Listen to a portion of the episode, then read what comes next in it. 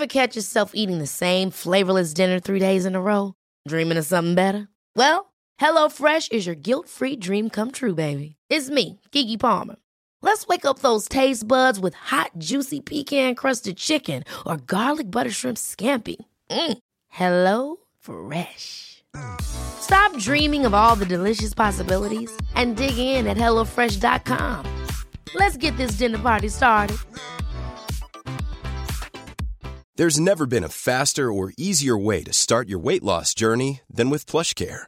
PlushCare accepts most insurance plans and gives you online access to board-certified physicians who can prescribe FDA-approved weight loss medications like Wigovi and Zepbound for those who qualify. Take charge of your health and speak with a board-certified physician about a weight loss plan that's right for you. Get started today at plushcare.com slash weight loss. That's plushcare.com slash weight loss. plushcare.com slash weight loss. Du lyssnar på en podd från Mediahouse by RF.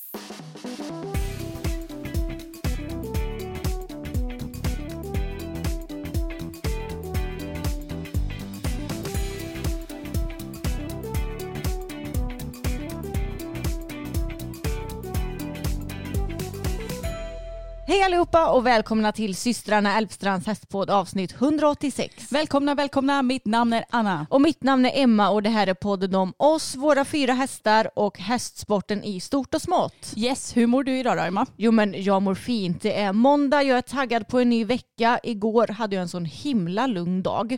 Och då blir jag alltid lite mer pepp på att ta tag i och göra grejer dagen efter. Du och jag är ju inte så bra på att chilla. Nej vi är ju inte det men jag försöker tvinga mig själv att chilla ibland. Ja men att- alltså vi blir ju så rastlösa. Ja men vi blir ju det men både kroppen och hjärnan behöver ju faktiskt ta det lugnt ibland. Ja men det värsta är att jag får ju typ ångest när jag tar det lugnt också. Ja, Att så här, "Åh, jag är så dålig, jag hittar inte på någonting. Och grejen att hade du bara, ja men jag har legat i soffan exakt hela dagen så hade inte jag bara, gud vad dålig du är. nej. Utan då hade jag bara, gud vad skönt. Men när jag gör det själv, alltså jag, det bara kryper i kroppen på Ja, jag mig. vet, jag med. Men det börjar ändå bli lite bättre, Ja. får jag säga. Det där. Jag behöver också träna på det känner jag helt klart. Mm, verkligen. Men det är skönt att ta lite lugna dagar ibland. Och hur är läget med dig då, Ansi? Jo men det är bra, jag har ju boat inför hösten här nu.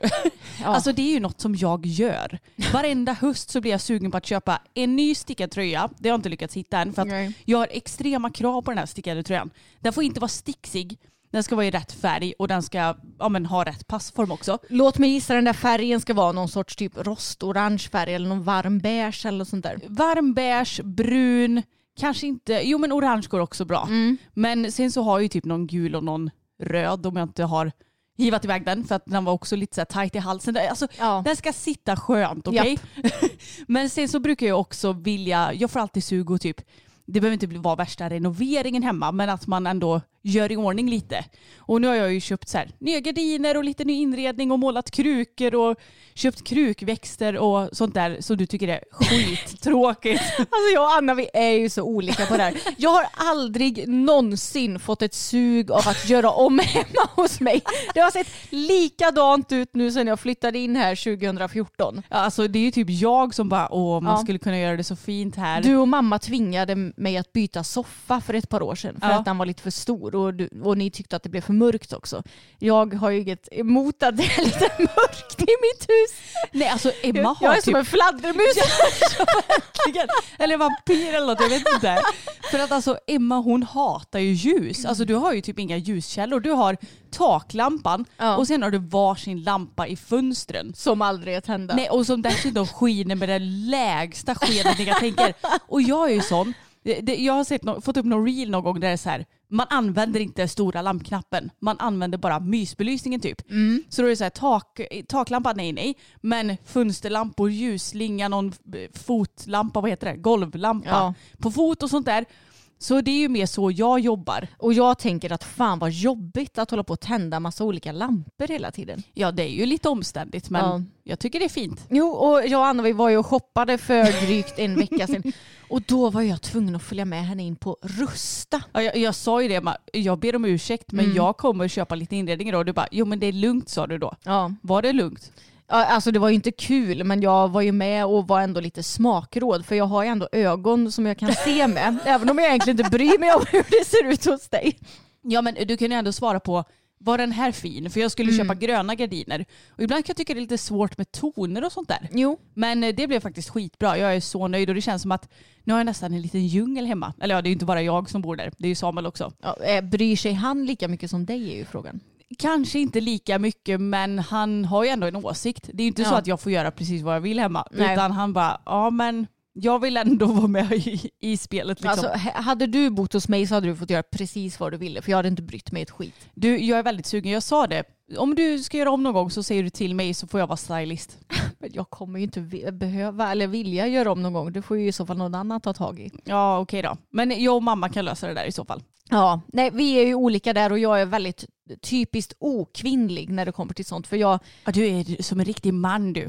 ja, fast jag, de flesta män bryr sig nog mer än mig också när det kommer Jag till sådana skojar bara. grejer. Men det är så kul för du och pappa är ju extremt lika när det kommer till sådana grejer. Mm. Mamma är ju den som sköter, ja vad ska man säga, stylingen hemma hos dem. Ja. Köper nya gardiner, det, det behövs och sådär. Och, alltså, hon, hon skulle nog fan kunna måla huset rosa. Ja. Och han hade inte lagt märke till det någonting. Nej, jag la ju inte märke till att du hade bytt gardiner hemma hos dig när jag Nej. var hemma hos dig igår. För jag frågade ju ändå, vad tycker du då om de nya gardinerna som du och jag har valt ut?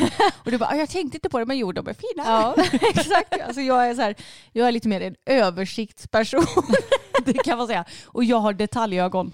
Ja, det är väl tur det. Det hade varit jobbigt om vi båda hade varit likadana. Verkligen. Och en ny sak också, det är att vi har fått upp solceller hemma i helgen. Ja, Samuel och pappa har ju jobbat på, eller kanske framförallt pappa har jobbat på så in i helskotta den senaste tiden. Vi håller på och byter tak på våran, ja, Samuel har ju som en verkstad hemma. Och det är en ganska stor laggårdsbyggnad och ja, det, taket där har varit dåligt så nu sätter vi ny plåt för att kunna sätta solceller också.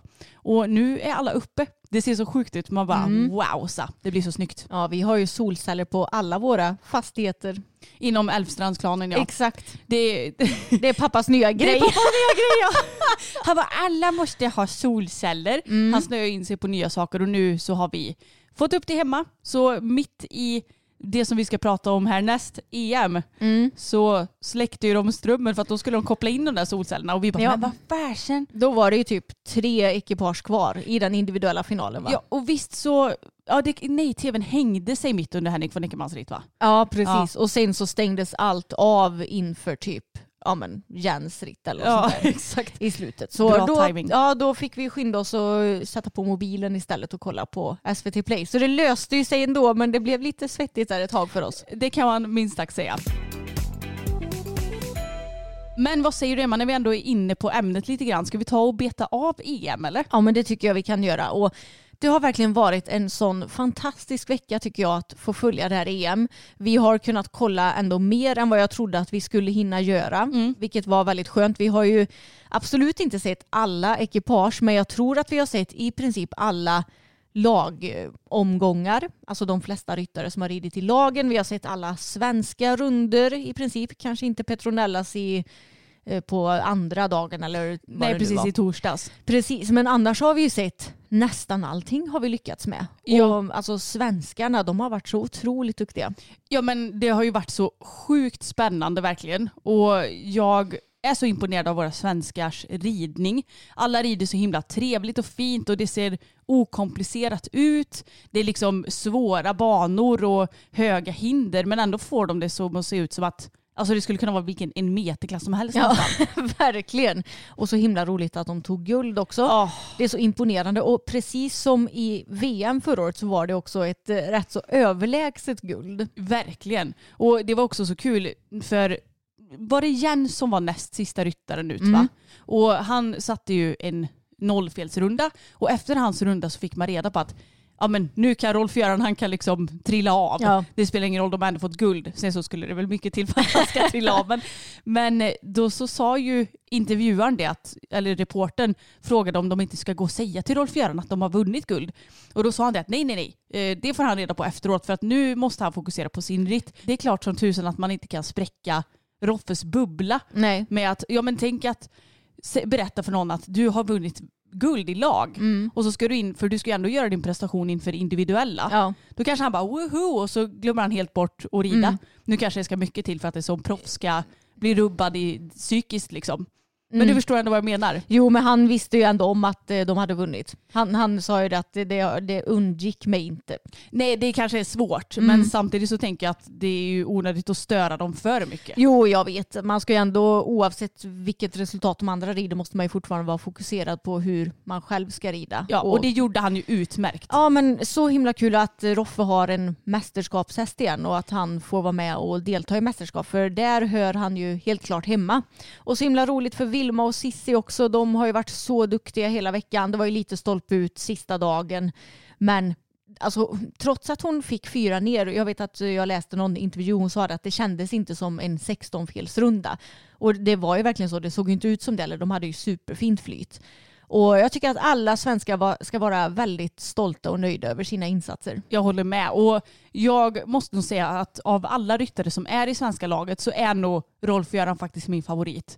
Jag skulle vilja rida som honom. Ja. Alltså, det ser ut som att han är en liten bomullstuss där uppe på Zucchero Ja. som bara ja, men följer honom så fint. Och, alltså Zucchero, vilken Ja. häst också. Ja, så fin. Men det, är väl, eh, det finns väl en anledning till att Roffe är en levande legend som man brukar säga. Och jag tror att de allra flesta ryttare runt om i världen tycker nog att han är en av de bästa ryttarna genom tiderna. Ja, men det tror verkligen jag också. Vi har ju många bra ryttare i Sverige. Ja. Det är vi verkligen bortskämda med. Ja, men jag tyckte att det var så kul att kolla på laghoppningen för vi har ju pratat lite om att när det kommer till dressyren så är det ju ganska så, så här självklart vilka som ska bli etta, tvåa och trea. Och vi ska prata lite mer om EM i dressyr senare. Men i hoppningen så var det så kul för det var så här, ja men det var ju spännande in till sista dagen och in till de sista ryttarna och sen så var det ändå ganska självklart att Sverige skulle vinna mot slutet men det var ändå så lite otippade resultat i övrigt på laget. Till exempel att Spanien klättrade upp till en femteplats sista dagen och att Österrike kom trea. Ja men visst. Alltså, och vem hade- Irland kom tvåa va? Ja precis. Ja. Vem hade tippat att Österrike skulle komma trea till exempel? Nej men alltså de man hade egentligen tänkt är ju, ja men de som brukar vara bra i hoppning det är ju kanske Tyskland, Schweiz. Irland brukar också vara bra. Ja de brukar väl ändå vara ganska bra. Och är det något mer lag jag tänker på? Eh, Belgien brukar vara Belgien bra. brukar vara bra också. Mm. Det är typ de som, och Sverige brukar såklart vara bra också. Och Storbritannien kan ju också vara... Alltså det är många, det, det är som Ja. vi säger, det finns många land som kan vara bra när det kommer till hoppning så det är mycket svårare att tippa. Många land. Ja men många land.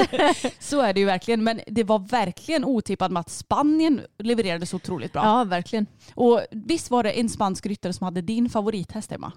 Nej, tänker jag fel nu? Jag tror du tänker fel. Ja det gör jag nog. Ja. Fast vi har ju kollat på så mycket hästar nu så att nu blir man lite förvirrad på järnkontoret Mm. här. Men något som också är lite roligt är att Frankrike, de, de envisas ju med att ta med Kevin Stott varenda gång det är lag. Ja. Eller vad som helst Ja, egentligen. jag, får säga, jag tycker att Kevin Stott är en av de mest överskattade ryttarna i världen. Ja, men jag tycker faktiskt också det. Och det känns som att han aldrig riktigt levererar när det väl kommer till mästerskap. Han, Nej. kan, han kan väl leverera någon annan gång och det finns väl en anledning till varför han rider på den nivån kanske som han gör. Mm. Men ja, det, nu ska vi se, vad heter den som red individuellt? Eh, menar du Olivier Perrault? Precis, Mm. Perrault. Han levererade utav bara helskotta Mm. istället. Så man blev så här, varför var han femte ryttaren? Ja. Sen så är det ju alltid så att det är bara för att man är duktig annars så kan det ju vara så att det är ett mästerskap. Ja men det är mycket nerver, hästen ska vara på formtopp. ja. Det är ju intensiva dagar liksom. Jo. Så det är klart att det är ju inte alltid så lätt att välja ut ett lag i förväg för att man vet inte hur det kommer leverera på plats. Men ja, de, eh, jag vet inte, de hade väl inte tagit någon medalj ändå kanske Nej. med Perrault i laget istället för någon annan. Men det var bara lite så här, fasen där gjorde de kanske lite fel när de valde lagryttare. Det gjorde de. Men ska vi prata lite om den individuella finalen då? Där vann ju Steve Gerda, tvåa blev Philip Weishaupt och trea blev Julien Epaillard, Just då, han är från, Frankrike. ja men var det två franska ryttare i individuella finalen? Eh, ja, Ja för Epaillard var den som levererade i franska laget kanske. ja exakt. Och det är Och- den hästen som du gillade så mycket. Ja men alltså jag får säga, de tre ryttarna, eller ekipagen som vann, de tre hästarna, det är, skulle jag säga, de bästa hästarna på hela mästerskapet. Mm. Alltså så fantastiska. Och Philip Weishaupt hästen var ju bara nio år, Day. Alltså den var så fin. Den såg så nätt ut också. Mm. Och de sa väl att det var en av de mindre hästarna på mästerskapet va? Ja, Inte för att det brukar spela så stor roll kanske. nej. Men alltså den var så oerhört fin. Och Ja. jag tycker att det är så välförtjänt att Steve Gerda gick och vann. Mm-mm. Han är ju också en som rider så in i bänken snyggt. Mm. Det ser liksom aldrig ut som något krig mellan häst och ryttare och dessutom så ser han så tacksam ut över sin häst hela tiden. Ja, verkligen. Och jag vet att vi har ju pratat om Steve, han hade väl någon dokumentär någonstans som vi tittade på va? Ja, precis. Och då pratar han ju lite om kärleken till Bianca heter hon väl, som han fick ta bort. Mm. Och att han liksom blev väldigt rörd över det. Och det känns som att många på den yttersta toppen bara ser hästarna som maskiner och egentligen inte bryr sig om själva individen. Men det känns verkligen som att Steve genuint tycker om sina hästar. Ja, och har en bra hästhållning Mm. och jag vet att många ser upp till honom också och verkligen unnar honom den här vinsten. Ja, Och det har man ju sett mycket på sociala medier att ja, om inte Jens skulle vinna då var det Steve som skulle vinna och det håller jag verkligen med om. ja. Och Julien Epaillards häst heter Dubai du Cedre och alltså den, den var så härlig. Den skulle du vilja ha i ditt stall va? Ja, ja det hade jag inte tackat nej till. Det, det, jag tror att den hästen det var nog min favorithäst av alla hästar. Ja, för du säga. sa det varje gång. Åh, den här hästen. Åh, den här Men hästen. alltså så härligt, den hade så mycket energi och man såg att den verkligen ville och ja. Samtidigt som den såg reglerbar ut. Ja, exakt. Nej, men väldigt kompletta hästar som kom etta, två och tre. Mm. Ryttare också då såklart men jag ja, tror... det är ju Jag, bara hästarna, det vet ju jag med. jo men det finns ju också, eller fanns ju många väldigt duktiga ryttare som hamnade efter dem i resultatlistan också. Typ Henrik von Eckermann, han är ju världsett av en anledning. Exakt, och jag måste säga att tråkigt nog så såg man också lite jobbig ridning. Jo, men, så, är det ju alltid. Tyvärr, för att det blir ju så här, ja men Europamästerskap då skickar man sina bästa ryttare. I vissa nationer så är det så här, vi har inga andra ryttare än den här. känns det som. Så det är alltid lite jobbigt att se på. Ja, det är det. Men de här namnen kan vi ändå säga att de rider otroligt fint. Ja. Och nu så tänkte vi då gå över till dressyren som avgörs den här veckan. Och vi tycker ju alltid att det är mindre spännande för att det är liksom inte lika, ja men vad ska man säga, i hoppningen, en bom kan falla så jäkla lätt. Ja. Det är klart att i dressyren så är det så lätt att ja, men det blir lite misskommunikation, att det blir något, någon miss. Jo. Men man kan alltid hämta upp det senare som vi pratat om så det, många gånger. det är inte lika stora marginaler och det är också som vi pratat om tidigare att vissa ryttare, till exempel Isabelle Wert, får kanske högre poäng än vad hon förtjänar om man jämför med andra. Ja, som exakt. rider kanske en eh, rör, rörelse eller övning lika bra minst. Mm. Så eh, det, det blir ju lite lättare att tippa dressyren. Ja, det ska bli spännande här för vi har ju tippat på olika håll. Vi har ju inte suttit och kokat ihop någon idé här nu. Men Nej. vi har ju lovat att vi ska tippa både individuella och lagmedaljerna här. Precis, och med det här sagt så var det väldigt svårt. Jag kunde inte hitta en hel lista på alla deltagande utan jag fick gå in på Eurodressage där de hade lagt ut typ vilka lagryttare som var uttagna för respektive land. Och sen var det så här, nej nu har den här blivit strykt från det här landet och det var svårt att få någon sammanfattning om exakt vilka som skulle vara med.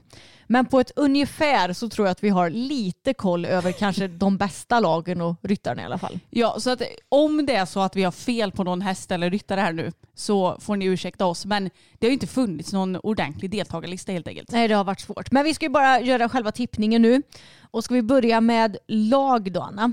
Vilka vi tror blir 1, 2, 3. Exakt. Mm. Då ser min tippning ut som följer. Guldmedalj till Tyskland, silvermedalj till Storbritannien och bronsmedaljen till Danmark. Och min tippning är exakt likadan. Japp. Mm, däremot så tror jag att det kommer bli väldigt tätt mellan Tyskland och Storbritannien den här gången. Det tror jag med. Så alltså, har Tyskland en kanske lite mindre bra dag och Storbritannien en riktigt bra dag så kan lika gärna Storbritannien ta guld. För det känns som att nu var det ju någon tysk ryttare, jag tror det var Sönke Rotenberger som var tvungen att strykas och det har kommit in lite nya och Ingrid Klimke har inte kunnat vara med för att eh, Franciscus är väl skadad till exempel. Och det är så tråkigt för hon är ju en Ja, av världens vet. bästa dressyrryttare. Det är tråkigt. Så Mm. Tyskland, de, normalt sett så hade de kanske kunnat haft ett bättre lag än vad de har nu. Mm. Samtidigt så har de ju Jessica von Bredow Werndl och Isabelle Wert i laget. Exakt. Så ja, jag tror jag, jag, jag, är, jag skulle bli förvånad om Danmark kommer bättre än trea.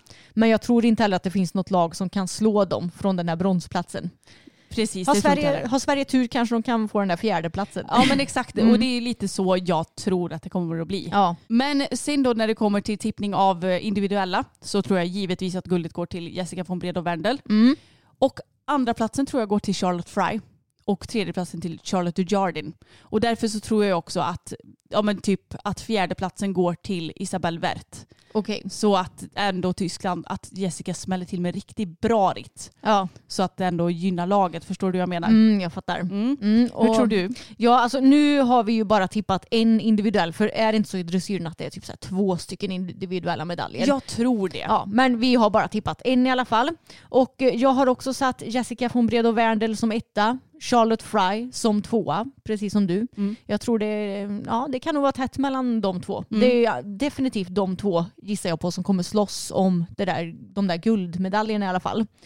Sen har jag satt Nanna Merald som trea. Intressant. Ja, och det har jag egentligen gjort eftersom att hon är eh, hon ligger högt upp på världsrankingen nu. Så då antar jag att hon är i god form. Men ligger hon högt upp med just den här hästen? Ehm, Just, jag tror att de har ändrat i dressyren så nu är det bara ryttare. Jaha, för att jag, jag, jag vet inte riktigt men jag tror att hon har ju ridit på, eh, vad 17 heter den hästen nu då?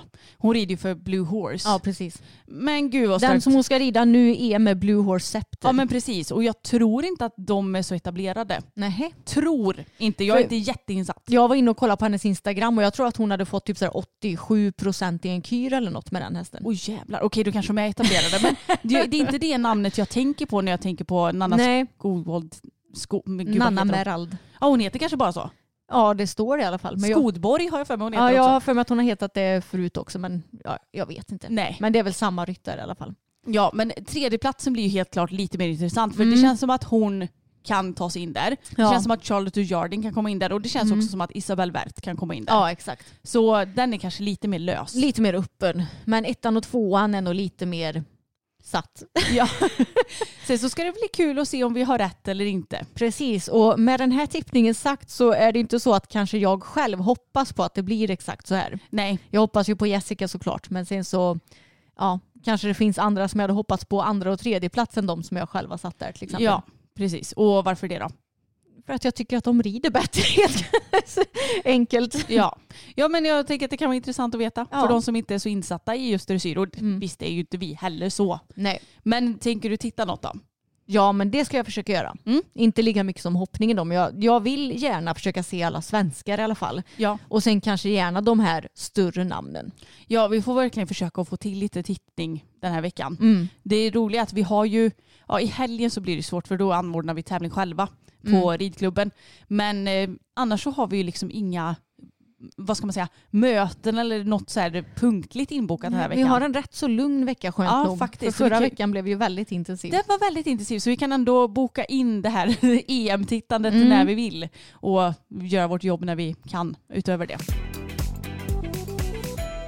Men ja, jag har ju varit iväg och tävlat också. Vi har ju inte bara tittat på hoppning utan jag har ju också hopptävlat. Kände du dig inspirerad? För det var ju dagen efter svenskarna hade vunnit EM-guld. Jag kände mig väldigt inspirerad Mm. och planen var ju att jag skulle åka dit med både Bella och Pebban. Men eh, ja, det här får vi egentligen ta först innan själva tävlingen för vi var ju hopptränade med både Bella och Pebban på onsdag kväll. Och det gick ju egentligen bra, det behöver man inte prata så himla mycket om. Det. Nej men en sak som vi måste prata om Ja. det är att jag kände mig så jävla konstig i onsdags. Jo, jag vet. Och jag fattar inte, för att jag, jag eh, okej jag vet knappt vart jag ska börja någonstans. Vi hade varit och tittat på EM hemma hos eh, Moa, vår kompis. Och då började jag känna mig lite så skum och jag bara okej, är det någon sjukdom på gång? Så jag kände mig lite trött och lite ont i halsen och lite hängig liksom. Och ont i huvudet. Och så var jag så här, "Ja, ja men det är ju bara att ta sig igenom den här träningen ändå för att ibland så känner man ju sig lite hängig och så går det hur bra som helst att rida. Men sen på träningen, jag kände mig så sjukt andfådd. Mhm. Jag kände mig så trött, jag kände mig nästan svimfärdig när jag och Bella hade hoppat några hinder i rad. Och jag bara, vad är det här? Jag fattar inte vad det är som händer. Och sen så vaknade jag upp dagen efter och mår helt fine. Mm. Så det roliga är att jag läste ju det på nätet sen att det var ju den här Blue Moon va? Eller Ja, supermånen. supermånen. Eller vad det nu kallades. Ja. Och så läste jag på nätet att vi fiskar, jag är ju en fisk för jag är född 3 mars, att vi är extra känsliga mot de här energierna och att eh, ja, man ska lyssna på sin magkänsla extra Ja. mycket under den här tiden och bla bla bla. Vilket är lite intressant för det kan vi ju prata om senare idag i Mm. och med olyckan som hände. Men jag är egentligen inte så himla troende när det kommer till astrologi och sånt där. Nej, jag, jag är lite mer så här att jag tycker att det är lite tramsigt. Jag tycker typ. också det är tramsigt. Mm. Men vad fan var det för fel på mig då just den här onsdagskvällen i så fall? För att det är jätte, jättekonstigt. Ja. Det var som att hela blodomloppet bara rusade i kroppen på mig. Jag fattar inte vad det var. Nej men båda hästarna var ju väldigt fina i alla fall. De var jätte, jättefina. Så det kan man inte klaga på. Det var bara du som var lite ur form så att säga. Verkligen. Och det var skönt för jag kände mig inte rädd heller. Nej. Efter avåkningen och jag har ju inte hoppat ordentligt. Det är ju så dumt. Jag hade ju egentligen tänkt att jag skulle hoppa ordentligt men så kom en resa i vägen och sådär. Så att jag kände mig ändå ganska bekväm. Ja, Det var men, skönt. Ja men jag tyckte du är jättebra. Men i alla fall då, när vi kom hem från den här träningen så skulle vi då släppa ut hästarna i hagen. Och nu är det ju gräs eh, och hötider för pappa. Och han har ju då ställt på riktigt en maskin utanför varje ingång till hagarna. Mm. Stod det. Och vi har ju alltid tänkt att det här är inte optimalt men samtidigt så har vi liksom inte tänkt jättemycket på det, någon Mm. av oss tror jag. Och vi skulle släppa ut hästarna. Jag gick först med Bella och så stod Wellington och, och Fokus typ strax bakom grinden fast in i hagen då givetvis. Och så när jag öppnade grinden och så skulle jag bara, för de brukar gå in av sig själv, Ja. så jag skulle bara skicka iväg Bella liksom. Men hon bara motade som fasen och jag bara, men vad är det med dig? Mm. Hon brukar aldrig ha några bekymmer att gå in i hagen. Ingen av våra hästar brukar ha bekymmer att gå in Nej. i hagen. Men hon motade som tusan och jag bara, men kom igen nu Bella. Och så till slut så gick hon in. Mm. Och sen så skulle du gå in med Pebban. Ja, Och då gjorde hon ju likadant. Alltså hon, hon vägrade. Hon blev så jävla spänd.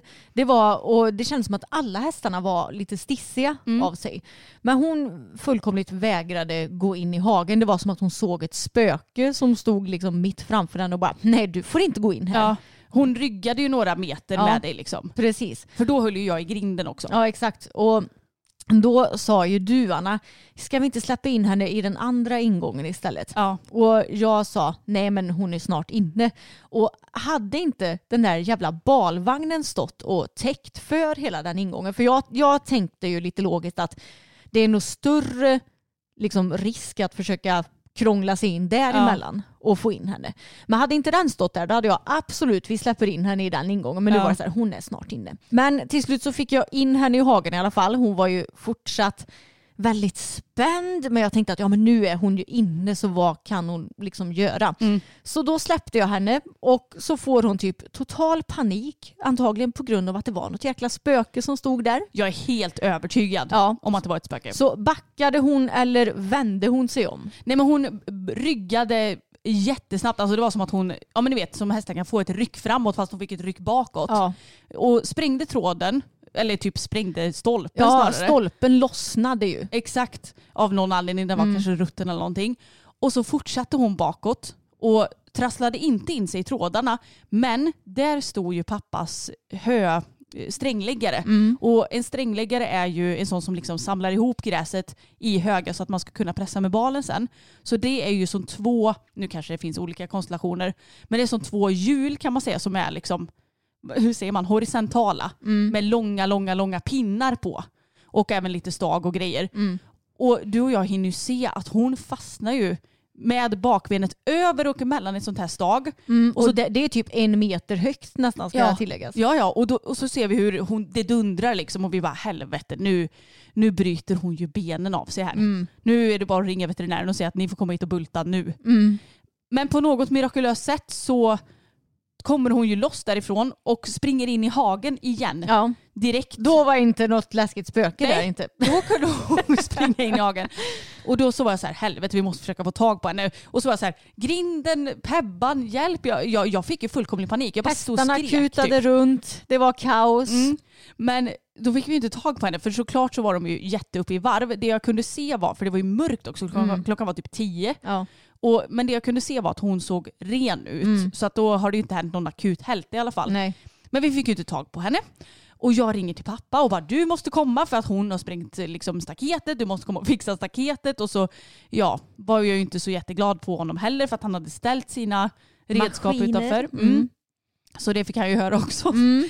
Ja, och sen så till slut när pappa kom så fick vi ju in henne för då hade de ju lugnat ner sig lite Mm. och kunde se att då hade hon ju skrapat upp benet och det var två stycken blödande sår på Mm. benet.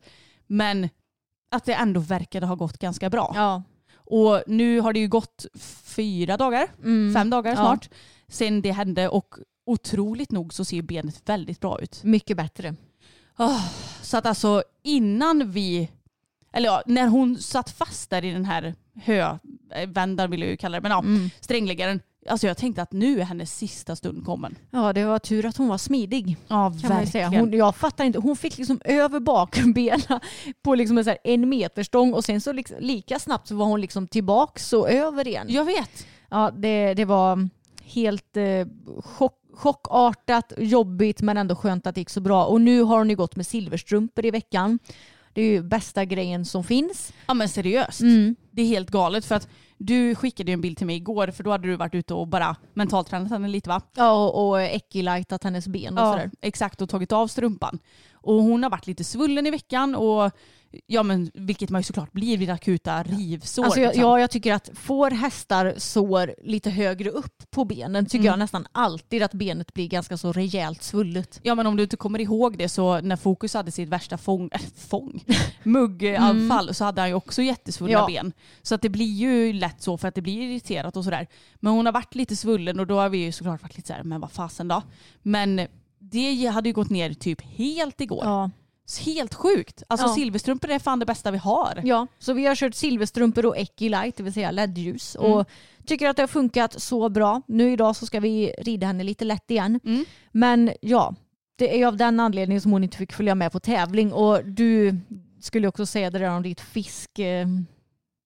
Ja, din fiskaura. Ja men precis, för jag sa ju det till dig Emma, att jag eh, hade sån stark magkänsla att vi ska inte försöka att släppa in henne i den här öppningen igen.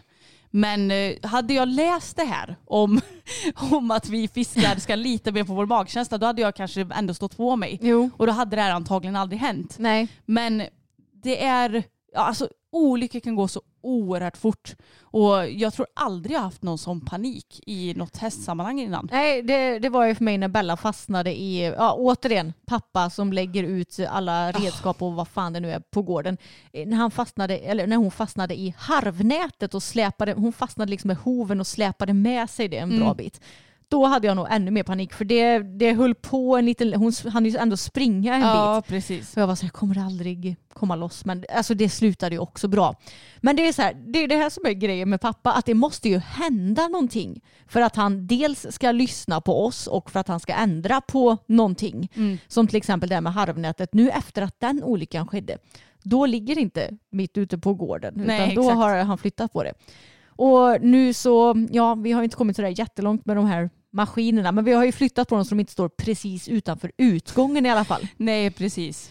Ja, det är klurigt när man jobbar med eh, ja, men hö och sådär. Du, du måste ju ha maskiner på något ställe men eh, vi hade ju behövt ha någon maskinhall och det har vi inte. Nej, och eh, jag menar, det, vi har ju inte jätte, jättestor gård heller så då blir det ännu svårare. Ja, Men ja, det har gått väl i alla fall, tack och lov. Och vi hade ju änglavakt den här kvällen. verkligen. Men det här är också så kul för det, det är så stor skillnad på hur du och jag tänker. För vi tänker ju så här att man kan ju åtminstone försöka förebygga att skador ska ske eller att olyckor ska ske. Men så blev ju vi typ, ja men vi var ju ganska så irriterade på pappa efteråt eftersom att han ställer sina grejer och så där.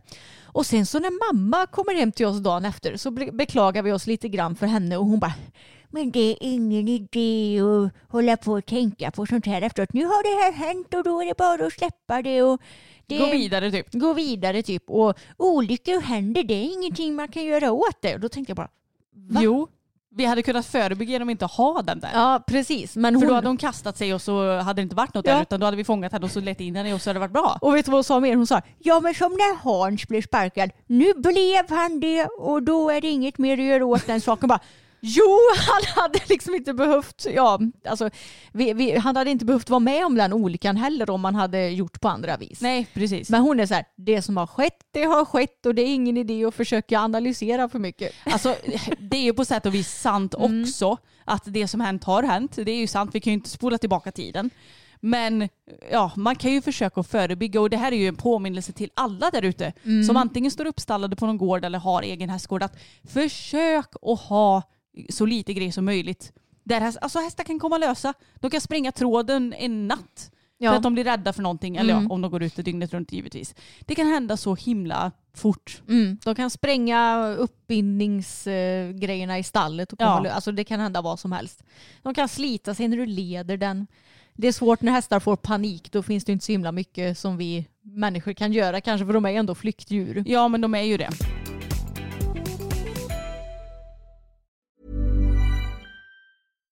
One size fits all seemed like a good idea for clothes Nice dress. Uh, it's a it's a t-shirt. until you tried it on. Same goes for your healthcare. That's why United Healthcare offers a variety of flexible, budget friendly coverage for medical, vision, dental, and more. So, whether you're between jobs, coming off a parent's plan, or even missed open enrollment, you can find the plan that fits you best. Find out more about United Healthcare coverage at uh1.com. That's uh1.com.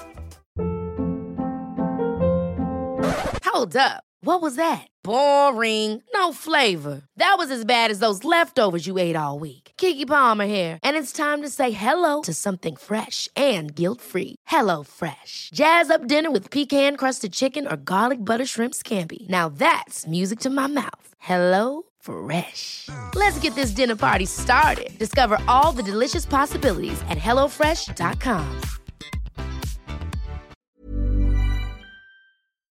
Det här poddavsnittet är i samarbete med Success. Och nu är det ju lite roliga grejer på gång för att Success har ju funnits i fem år. Så att de kommer att ha en anniversary sale. Jajamän, den drar igång på fredag och håller helgen ut och då kommer de ha riktigt bra rabatter på hela sin hemsida.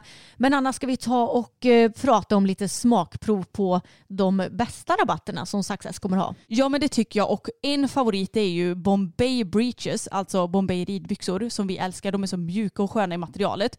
Och de kommer ha 40% rabatt i både färgen svart och ocean. Ja, det borde ni verkligen spana in. När jag tog på mig dem första gången så sa jag åh herregud, det här är de skönaste ridbyxorna jag någonsin haft på mig. Och eh, det är de, så ni borde verkligen passa på för 40% rabatt på dem, det är inte illa. Och något annat som det är 40% rabatt på det är deras summer leggings i både black och lavender. Och de har ju vi ridit med mycket i sommar och de har ju som små lufthål nästan kan man säga, eller ventilation på sidan av benen.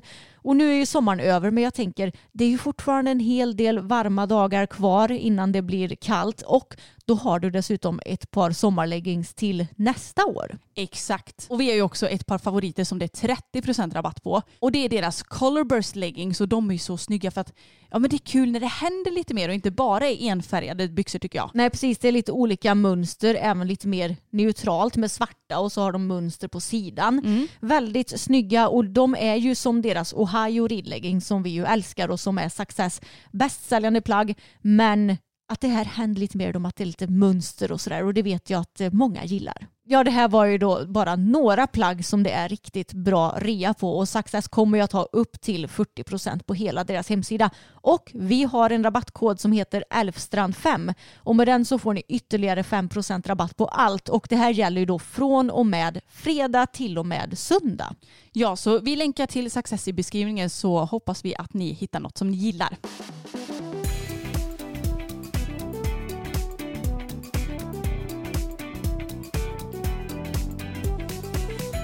Okej, men Emma, då ska vi ta och prata lite om din tävling då, för vi hamnar ju lite på sidospår av förklarliga skäl. Jag tänkte säga, vill du ens prata om tävlingen? Ja, det vill jag nu. Ja men jag är så jävla arg på mig själv efter den här jävla tävlingen.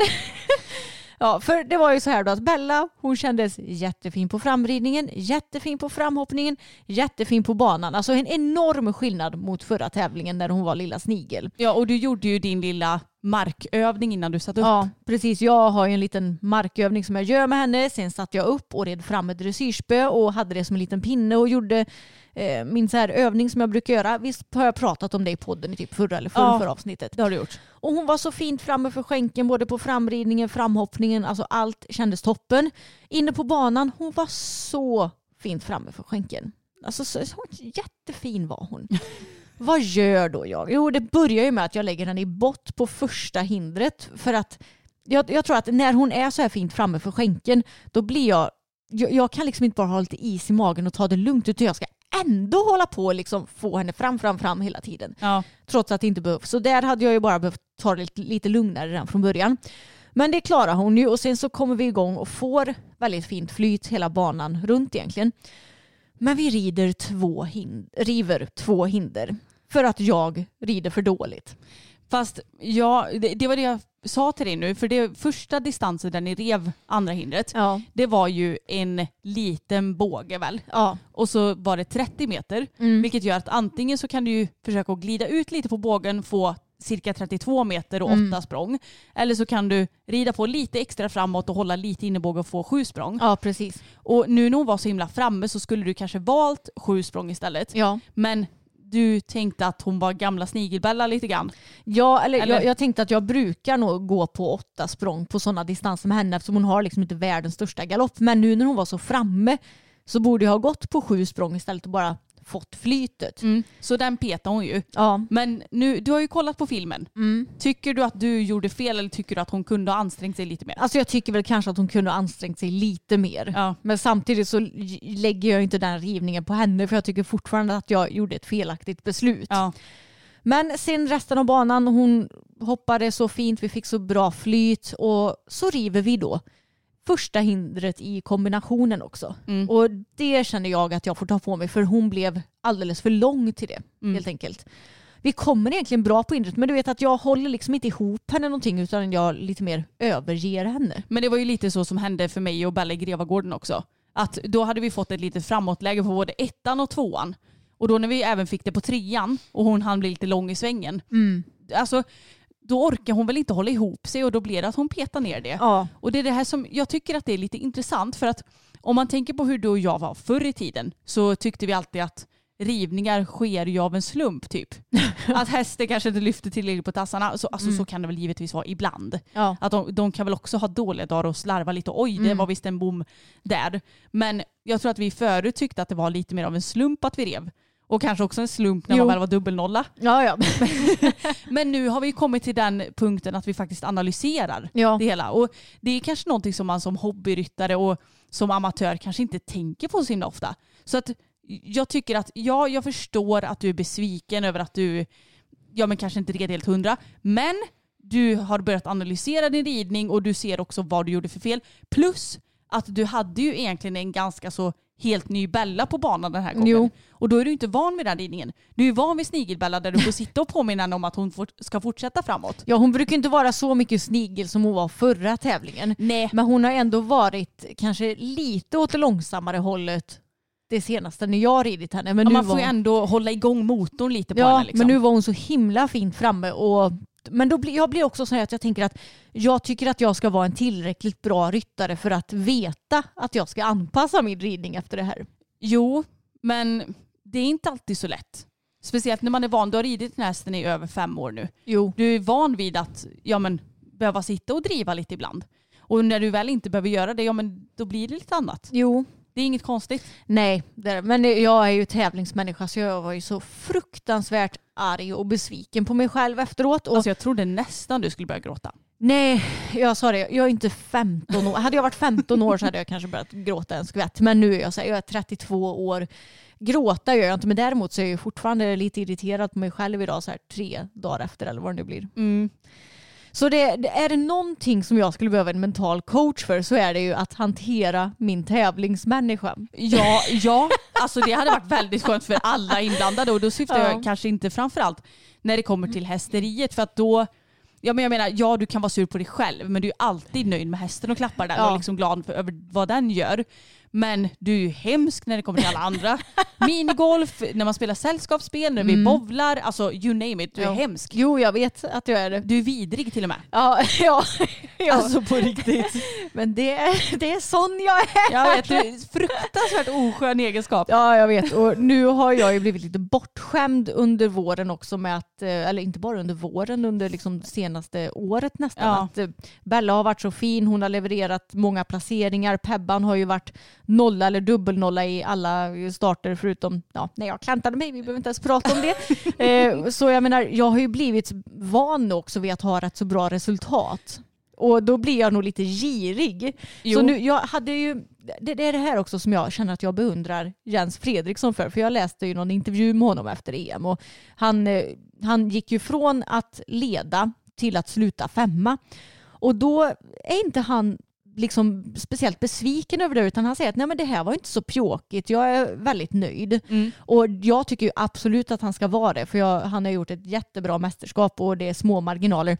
Men hade jag varit han, alltså hade det varit jag som hade ridit ett EM lätt och sen hamnar femma, alltså jag vet inte hur länge jag hade varit arg och besviken. Jag, jag hade kanske aldrig släppt det. Jag hade ju fått gå i psykolog för liksom det som hände. Frågan är om du inte faktiskt hade gråtit då. Jo, Alltså på riktigt. det hade jag nog gjort. Ja.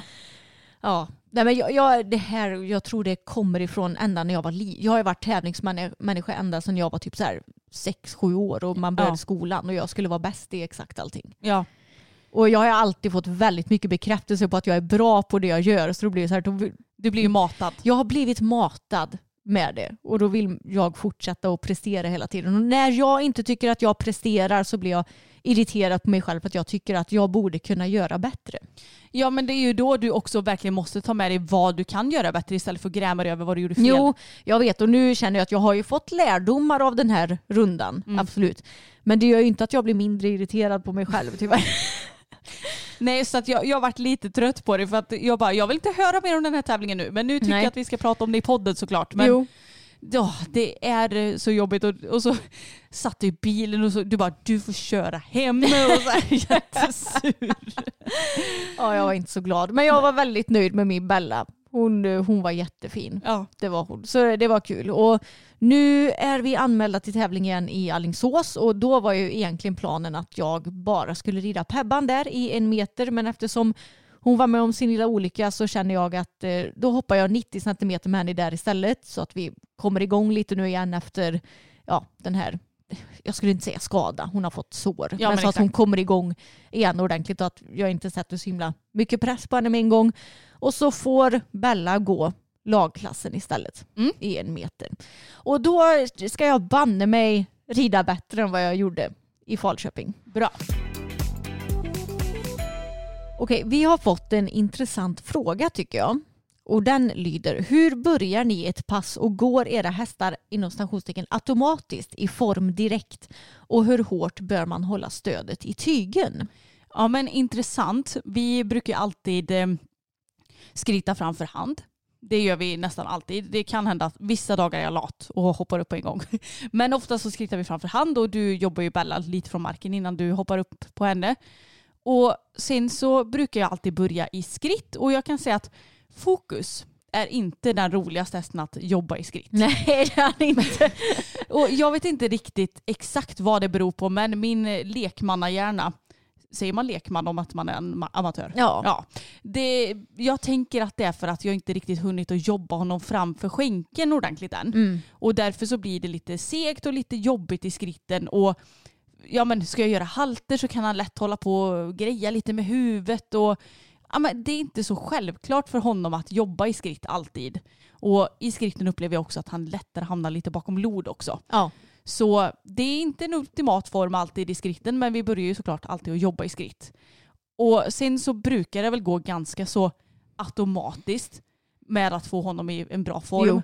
Men det handlar ju nog också om att jag känner honom så väl nu och han känner mig väl. Precis. Och det där med stöd i tygen, det tycker jag är lite olika på olika hästar. Ja. Men äh, gud, jag tycker det är så svårt. Hur ska man benämna det hela liksom? ja, men det är ju svårt att säga så här, exakt den här vikten ska du ha. Men alltså, det ska ju kännas lite som en fjädring, alltså som, eh, vad säger man, nästan som när du kör bil och har det här dragläget kanske. Precis. Ett ganska, en ganska bra liknelse. Och något som jag, för pappa han är ju alldeles för lätt i sin hand och har en glappande tygel när han rider. Vilket jag i och för sig anser mer positivt än om du skulle vara för hård i din hand. Det är ju lättare att lära en ryttare att ta kontakt till hästens munnen och "Nej, men nu måste du lätta i handen. Liksom.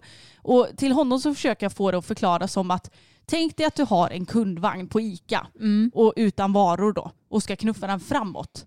Men att du ska hålla det tillbaka. Ja. Så den vikten som du kräver för att knuffa en fram, vagn framåt ska du ha i tygen mot dig. Mm. Och det tror jag ändå har gått lite in till honom. Det är svårt att det, det här tycker jag är det svåra med att vi absolut inte är några liksom, tränare eller kan allt inom ridning för att det blir svårt att sätta ord på det ibland.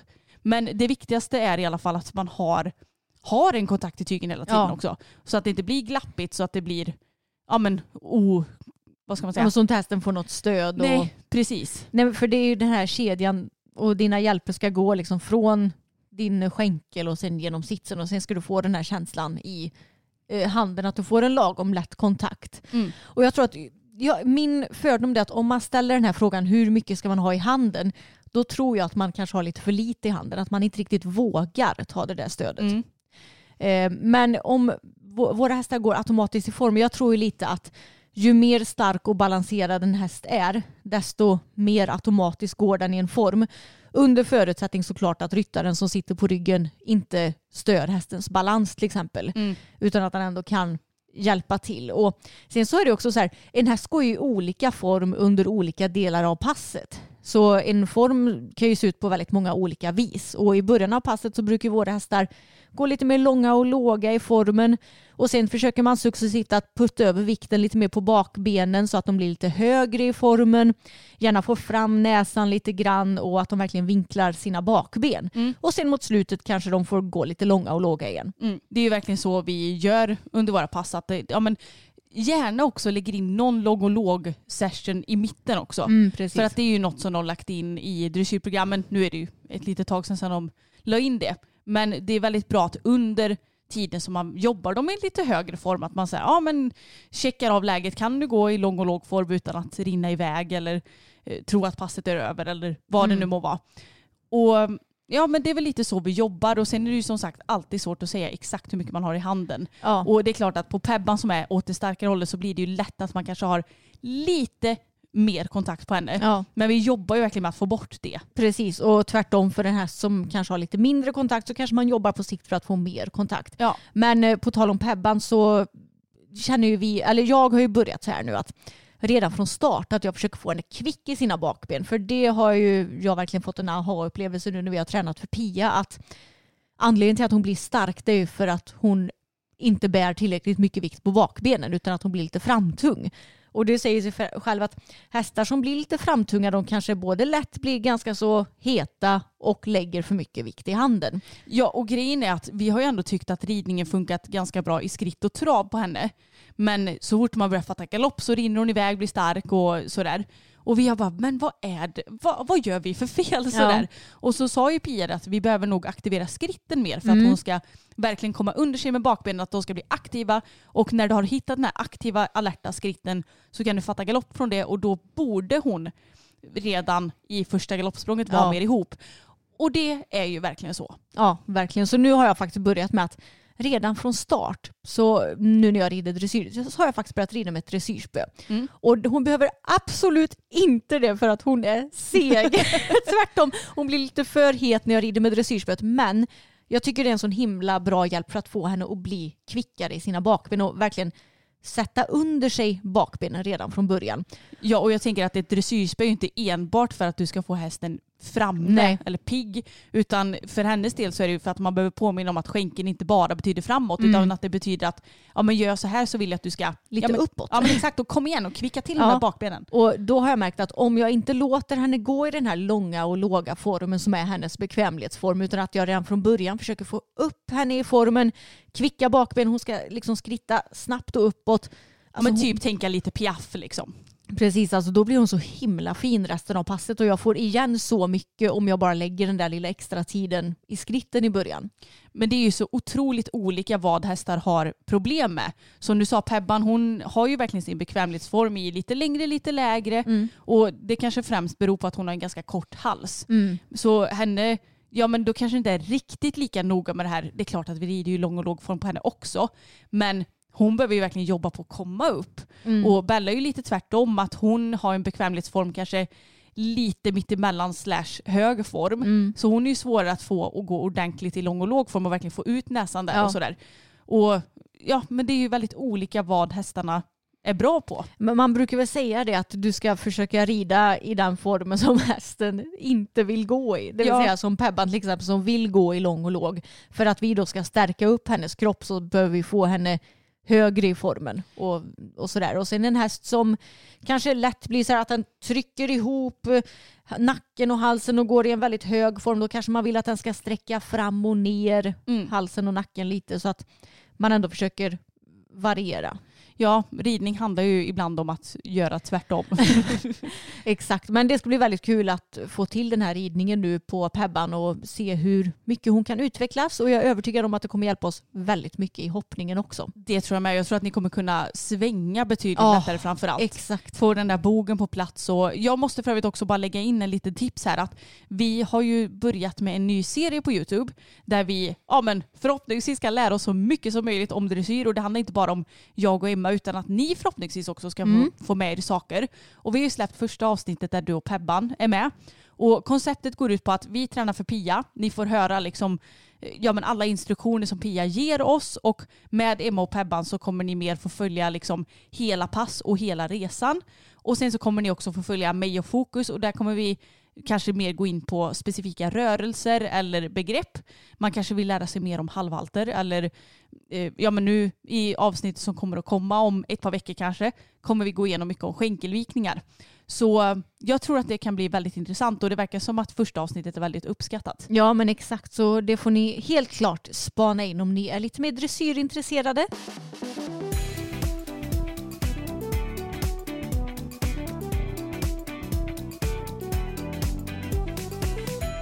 Yes, men då ska vi ta och avrunda. Tusen tack för att ni har lyssnat på dagens poddavsnitt. Ni får jättegärna följa oss, ja, men dels här på podden att ni tycker följ så ni inte missar när något avsnitt kommer upp.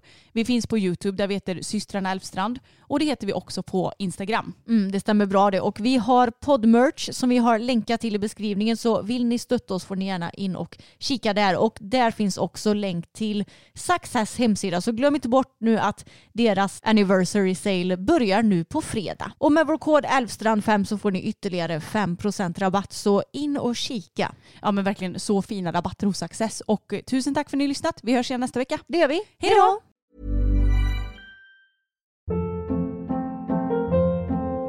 Hold up. What was that? Boring. No flavor. That was as bad as those leftovers you ate all week. Kiki Palmer here, and it's time to say hello to something fresh and guilt-free. Hello Fresh. Jazz up dinner with pecan-crusted chicken or garlic butter shrimp scampi. Now that's music to my mouth. Hello Fresh. Let's get this dinner party started. Discover all the delicious possibilities at hellofresh.com.